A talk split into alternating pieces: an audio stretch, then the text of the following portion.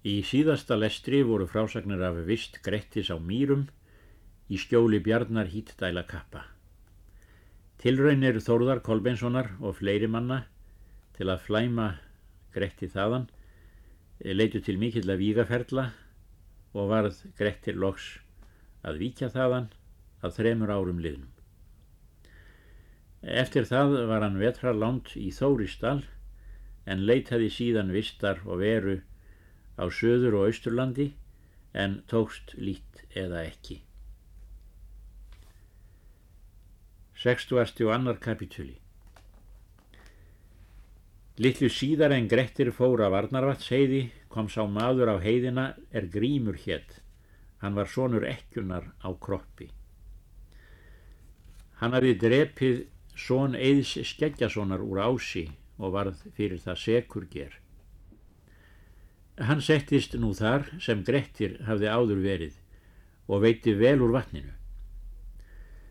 Hallmundi leik öfund á er grímur var komin í stað Grettis og hugsaði að honum skildi engin árferð í vera þótt hann veitti margt. Svo bar til einn dag að grímur veitti hundrað fiska og bar heim til skála og bjóum úti. En um morgunin eftir er hann kom til, var í brottu hver fiskur. Þetta þótti honum undarlegt og fór til vatsins og veitti nú 200 fiska. Færiði heim og bjóum og fór allt á sömu leið að allir voru í brott að morni. Nú þótti honum eigi að einum brunni bera. Hinn þriðja dag veitti hann 300 fiska, bar heim og vakti yfir skála sínum. Grímur sá út í hurðarboruna ef nokkur kæmi til skálans, leið nú svo nokkuð fram á nóttina. Og er eigi var þriðjungur af nótt, þá heyrði hann gengið úti hjá og stíið heldur hart. Og er grímur var þessa var, tók hann öksi er hann átti, það var all hvast vopn. Hann vildi vita hvað þessi hafði stað. Komumadurinn hafði mikinn meis á baki og setti niður og litaðist um og sá engan mann úti. Hann baukar til fiskanna og þykir nú gott hönd á að hafa, rótar ofan í meisin öllum fiskonum, þá er fullur meisin. Fiskurinn var svo stór að grímur ætlaði að engin hestur myndi bera meira. Maðurinn tekur nú og ræðst undir byrðina og í því er hann vildi uppstanda, hljóp grímur út og hjó tveim höndum á hálsin svo að öksinn sökk að hamri. Hinn brá við hart og hafði á rás með meisin suður á fjall. Grímur sneri eftir honum og vildi vita hvort honum hefði tekið. Það er hvort hann hefði særst. Þeir fóru allt suður undir balljökul. Þar gekk þessi maður inn í helli. Eldur var bjartur í hellinum, þar satt kona við, stór vexti og þó skapleg. Það heyrði grímur að hún heilsaði föður sínum og nefndi Hallmund. Hann kastaði niður hart byrðinni og andvarpaði hátt. Hún spurði hví hann væri blóðugur. Hann svarar og hvað þetta? Það er mér sínt að sínum á engi maður afli treysta því að svo bregst á banadægri hölda hugur sem heill bílar. Hún spurði þá innilega að viðskiptum þeirra en hann sagði allt sem farið hafði. Skaltu nú heyra til, sagði hann, en ég mun segja frá atöfnum mínum og mun ég hveða þar um hvæði, en þú skalt rýsta eftir á kepli. Hún gerði svo. Þá hvað hann hallmundar kviðu og er þetta þar í. Þótt eg gildur er eg gretti strauk nógu fast niður af taumum. Sá eg hitt að horfa gerði sína stund sér í göpnir. Það var næst er Þórir kom, Arnarvats upp á heiði, að við tveir, við tugi átta, åtta leik eiga knáttum. Síndust gild Grettis handa skíli högg á skjöldum þeirra. Þó frá eg mín miklu stærri, eggja spór ítum sínast. Eljett hendur og höfuð fjúka brögnum af er að baki gengu, svo að kappar keldukverfis átján þar eftir lágu. Hef eg þursa og þeirra kín hart leikið og hamar spúa, en meinvætti marga barða og blendingum að bana orðið. Svo álfa kind og óvættum nær hef ekki öllum óþarfur verið. Margra aðtafna sinna gata Hallmundur í kviðunni því að hann hafi farið um allt landið. Þá mælti dóttir hans. Ekki hefur sámaður sleppi fengur verið og var það eigi ólíklegt því að þú settir ítla á stopn við hann eða hver mun nú hefna þín. Hallmundur svarar Egi er víst að þess verði auðið. Vita þykist ég að Grettir myndi hefna mín ef hann mætti sér viðkoma, en ekki mun hægt að ganga í móti gæfu þessa manns því að honum mun mikið lagið verða. Eftir það dró svo mikið mætti Hallmundar sem framleið kvæðinu, var það mjög jafn skjótt að kviðinu var lokið og Hallmundur dóg. Hún bar sig þá lít og grét all sárt. Þá gekk grímur fram og bað hann að reista sig.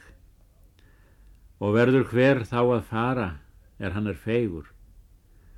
Varð þetta mjög af tilstofningu hans, mátti ég varðla sjá að hann rænti mig.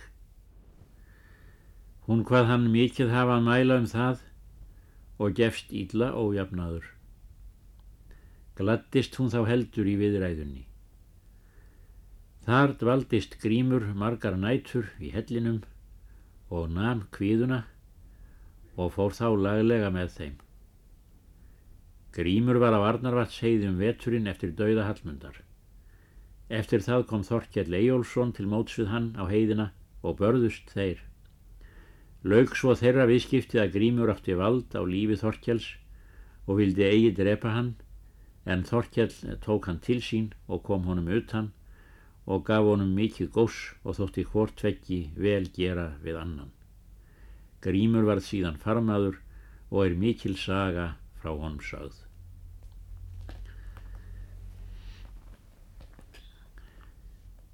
Sextugasti og þriðji kapitúli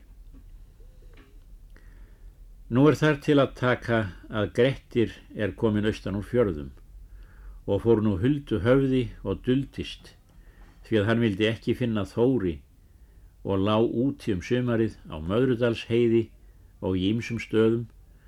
Hann var óg stundum á Reykja heiði eh, þess mætti geta hér að ýmsar lýsingar í sögunni hér á eftir eh, benda til þess að Reykja heiði eh, vestan Kjeldukverfis sé villa fyrir Öksarfjörðar heiði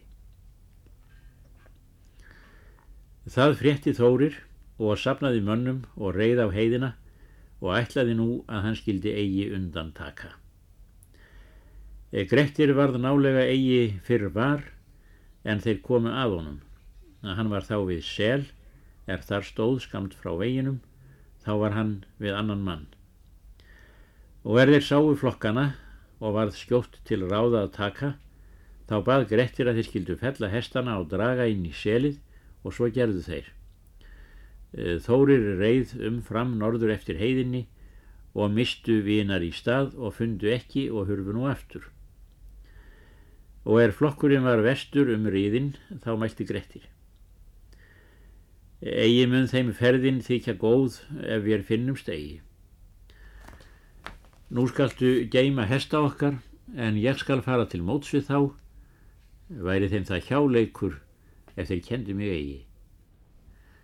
Förunautur hans latti þessa en þó fóran og tók sér annan búning og hafði síðan hött niður fyrir andlitið og hafði stafi í hendi, gekk síðan á veginn fyrir þá. E, þeir heilsuðu honum og spurðu uh, hvort hann hefði nokkra menn séð ríða um heiðina. Séð mun ég hafa þá sem þér leitið að. Skortir yður nú all lítið að finna þá, því að þeir voru hér fyrir sunnan mýrarnar þær sem eru til vinstri handar. En er þeir heyrðu þetta, þeistu þeir út á mýrarnar. Þar voru svo mikil fen að þeir komast hverki fram og eruð að draga úr hestana og rögtust þar í lengi dags. Báðu þeir illa fyrir honum, þessum förumanni, er þá hafði svo að dárað. Grettir sneri skjótt aftur til móts við félagasinn og er þeir fundust hvað Grettir vísu. Hann hvaðst ekki ríða á móti hermönunum, hann fari einn á braut, vil ég eigi hitta hérna snarlegu hermenn og telur að það muni því kjaskinsamlegt. Þeir ríðu nú sem hvatast vestur af og fram um bæin í gardi áður en þórir koma fjallinu með flokksinn. Og er þeir komu nær bænum kom maður í för þeirra. Sá kendi þá ekki. Þeir sáu að kona stóð úti, ung og skrautbúinn. Grettir spurði hver kona svo myndi vera. Sá hinn nýkomni maður sagði að það væri dóttir Þóris. Þá hvað Grettir vísu.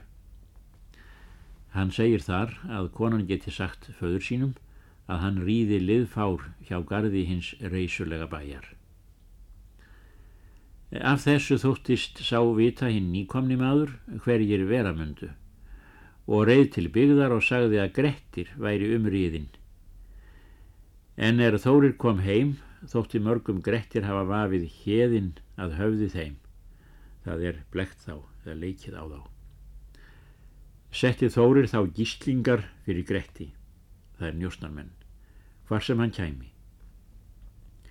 Tóku Grettir það til ráðs að hann sendi fyldarmann sinn vestur á sveitir með hestana, en hann fór upp til fjalla og var í dularkubli og fó svo norður þar andverðan vetur, svo að hann kendist ekki. Öllum þótti Þórir nú hafa fengið af slíkt eða verra en fyrr í þeirra viðskiptum.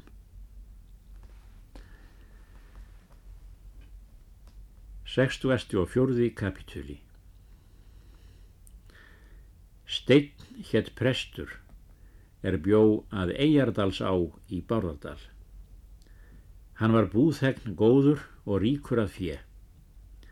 Kjartan hétt sonur hans, röskur maður og vel á legg kominn. Þorstein Hvíti hétt maður er bjóað sandhaugum, suður frá Eyjardals á.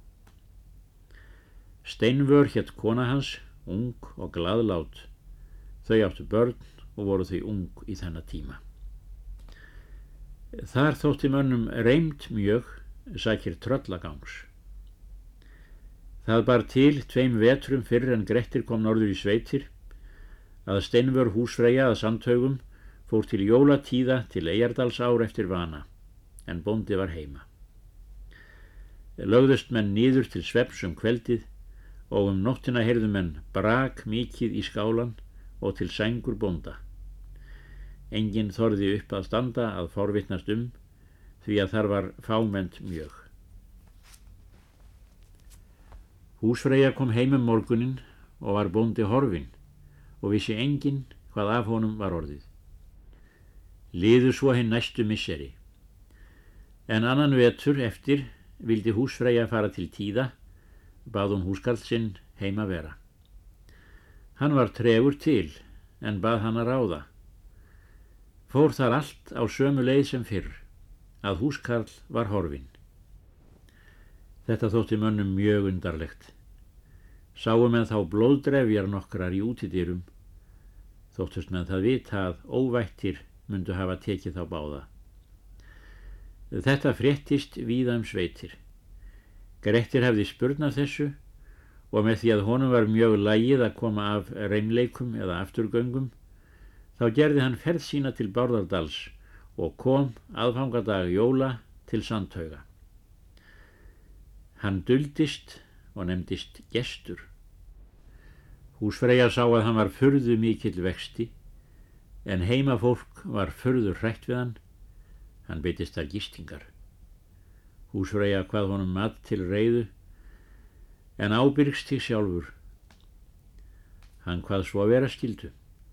Mun ég vera heima, segir hann, en far þú til tíða ef þú vilt. Hún svarar, mér þykir þú hraustur ef þú þorir heima að vera. Egi læt ég mér að einu getið, sagði hann. Það er, er við fleira en eitt feldur. Ílt þykir mér heima að vera, segir hún, en ekki kemst ég yfir ána. Ég skal fylgja þér yfir, segir gestur. Síðan bjóst hún til tíða og dóttir hennar með henni, lítil vexti. Hláka mikil var úti og áinn í leysingum. Var á henni jakaför. Þá mælti húsfræja. Ófært er yfir ána, bæði mönnum og hestum. Vöð munu ávera hvað gestur og verið eigi hrættar. Ber þú fyrst meina hvað húsfræja, hún er léttari. Ekki nenni ég að gera tvær ferðir af þessu, segir gestur, og mun ég bera þig á handlegg mér. Hún syngdi sig og mælti. Þetta er ófæra, eða hvað gerir þú þá af meginni? Sjá mun ég ráð til þess, segir hann, og greip þær upp báðar og setti hérna yngri í knje móður sinnar og bar þær svo á vinstra armlegg sér en hafði lausa hérna hægri hönd og óð svo út á aðið. Egið þorðu þær að æpa, svo voru þær hrættar, en áinn skall þegar upp á brjósti honum. Þá rakað honum jaka mikinn en hann skaut við hendi þeirri er laus var og hratt frá sér. Gerði þá svo djúft að ströyminn braut á aukslinni, óð hann sterklega þar til er hann kom að bakkanum öðrum megin og flegir þeim á land. Sneri hann síðan aftur og var þá hálfur ökkvið er hann kom heim til samtauga og kallaði til matar. Og er hann var mettur bað hann heimafólk fara innar í stofu. Hann tók þá borð og lausa viðu og rakum þvera stofuna og gerði bálk mikinn svo að engin heimamaður komst fram yfir. Engin þorði í móti honum að mæla og í engum skildi kretta, það er æmta. Gengið var í hliðvekkin stofunar inn við gablaðið og þar þverpallur hjá. Þar lagðist gestur nýður og fór ekki af klæðunum. Ljós brann í stofunni, gengt dýrum. Likur gestur svo fram á nóttina. Húsfreyja kom til Eyjardalsár til tíða og undruðu mennum ferðir hennar yfir ána. Hún saðist eigi vita hvort hana hefði yfir flutt, maður eða tröll. Prestur hvað mann víst vera mundu, þó að fára maki sé og látum hljótt yfir saði hann. Má vera að hans sé ætlaður til að vinna bót á vandræðum þínum. Var húsfreyja þar um nóttina. 60. og 50. kapitúli Nú er frá Gretti það að segja að þá er dróað miðri nótt, heyrði hann út dýnur miklar. Því næst kom inn í stofuna tröllkona mikil Hún hafði í hendi trók en annari skálum heldur mikla, þær sveðju. Hún litast um er hún kom inn og sá hvar gestur lág og hljópað honum en hann upp í móti og réðust á grimlega og sóttust lengi um stofuna. Hún var sterkari en hann fór undan kænlega en allt það sem fyrir þeim varð brutuðau, jafnvel þverþýlið undan stofunni. Hún dró hann fram yfir dyrnar og svo í andýrið, þar tók hann fast á móti. Hún vildi draga hann út úr bænum en það var degi fyrr en þau leistu frá allan útidýra umbúningin og báru hann út á herðum sér, þæfiði hún þá ofan til árinnar og allt fram að gljúrum. Þá var gestur ákaflega móður en þó varð annarkvort að gera að herða sig eða myndi hún steipa honum í gljúrin. Alla nóttina sóttust þau. Egið þóttist hann hafa fengist við þvílikan ófagnað fyrir aflssakir. Hún hafði haldið honum svo fast að sér að hann mátti hvorur í hendi taka til nokkurs, utan hann helt um hann að miðja kvinnuna og er þau koma á árgljúfrið bregður hann flagð konunni til sveiblu. Í því varð honum laus hinn hægri höndin, hann þreif þá skjótt til saksins er hann var girður með og bregður því, heggur þá á auksl tröllinu svo að aftók höndina hægri og svo varð hann laus en hún steiftist í gljúfrin og svo í fossin. Gestur var þá bæði styrður og móður og láð þar lengi á hamrinum. Gekk hann þá heim er Lísa tók og lagðist í rekju, hann var allur þrútinn og blár. Og er húsfreyja kom frá tíðum, þótti henni heldur raskað um hýbíli sín. Gekk hún þá til gests og spurði hvað til hefði borið er allt var brotið og bælt. Hann sagði allt sem farið hafði. Henni þótti mikils umvert og spurði hver hann var. Hann sagði þá til hið sanna og bað sækja prest og hvaðst vildu finna hann var og svo gert. En er steinn prestur kom til sandhauga varðan þess brátt vís að þar var komin Grettir Ásmundarsson, er gestur nefndist. Prestur spurði eh, hvað hann ætlaði af þeim mönnum myndi vera orðið er þar höfðu horfið. Grettir hvaðst ætlaði í gljúrin myndu þeir hafa horfið. Prestur hvaðst eigi kunna leggja trúnað á sagnir hans ef engin merki mætti til sjá. Grettir segir að síðar vissu þeir það ger, fór prestur heim. Grettir lág í rekju margar nætur. Húsfreyja gerði við hann harla vel og leið svo af jólinn. Þetta er sögn Grettis að tröllkonan stiftist í gljúrin við er hún fjekk sárið. En Bárðardalsmenn segja að hann að dagaði uppi þá er þau glýmdu og sprungið þá er hann hjóaf henni höndina og standi þar enn í konu líking á bjarginu. Þeir dalbúarnir leindu þar gretti um veturinn. Eftir jól var það einn dag að Grettir fór til Eyjardals ár og er þeir Grettir fundust og prestur mælti Grettir. Sé ég það, prestur, segir hann, að þú leggur lítinn trúnað á sagnir mínar.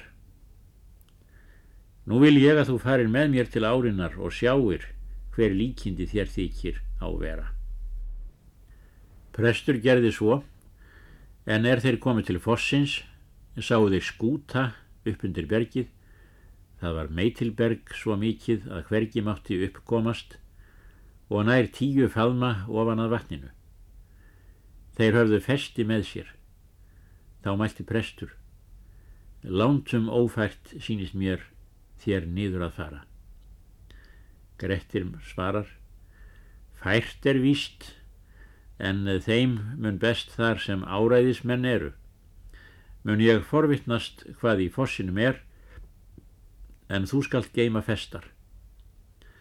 Prestur bað hann að ráða og keiriði niður hæl á berginu og barað grjót og satt þar hjá. 60. og 70. kapitúli Nú er frá Gretti að segja að hann let stein í festaraugað og let svo síga ofan að vatninu. Eh, hvern veg ætlar þú nú, segir prestur, að fara? Ekki vil ég vera bundin, segir Grettir, þá er ég kem í fossin. Svo bóðar mér hugur um. Eftir það bjóð hann sig til ferðar og var fáklættur og girði sig með saksinu. En hafði ekki fleiri vopn. Síðan hljóp hann af bjarginu og nýður í fossin. Sá prestur í iljar honum og vissi síðan aldrei hvað af honum varð. Grettir kafaði undir fossin og var það torvelt því að yða var mikil og varð hann allt til grunns að kafa áður en hann kæmist upp undir fossin. Þar var forberg nokkuð og komst hann inn þar upp á. Þar var hellir mikill undir fossinum og fjall áinn fram af berginu. Hann gekk þá inn í hellin og var þar eldur mikill á bröndum. Það er logandi viði. Grettir sá að þar satt jötun, óurlega mikill. Hann var hræðilegur að sjá. En er Grettir koma að honum, hljóp jötunin upp og greip fleineitt og hjó til þess er komin var, því að bæði mátti höggva og leggja með því. Tréskaft var í, það kalluðu menn þá heftisags, er þann veg var gert. Grettir hjó á móti með saksinu og kom á skaftið svo að í sundur tók. Jötunin vildi þá seilast á bak sér aftur til sverðs er þar hekk í hellinum. Í því hjó Grettir framann á brjóstið svo að nálega tók af alla bringspelina og kviðin svo að yðrin stiftust úr honum ofan í ána og kerði þau ofan eftir áni. Og er prestur satt við festina, sá hann að sliðrur nokkrar rak ofan eftir strengnum, blóðgar allar. Hann var þá laus á velli og þóttist nú vita að Grettir myndi döður vera. Hljóp hann þá frá festarhaldinu og fór heim. Var þá komið að kveldi og sagði prestur víslega að Grettir væri döður og sagði að mikill skadi væri eftir þvílkan mann. Nú er frá Gretti að segja að hann létt skamt högva í milli þar til að jötunin dó. Gekk Grettir þá innar eftir hellinum, hann kvekti ljós og kannaði hellin. Ekki er frá því sagt hversu mikið fjö hann fjekk í hellinum en uh, það ætlar menn að verið hafi nokkuð. Dvaldist honum þar fram á nóttina. Hann fann þar tveggja manna bein og bar þau í belgeinn. Leitaði hann þá úr hellinum og lagðist til festarinnar og hristi hana og ætlaði að prestur myndi þar vera En er hann vissi að prestur var heimfarin, var þann þá að handstyrkja upp festina og komst hann svo upp á bjargið.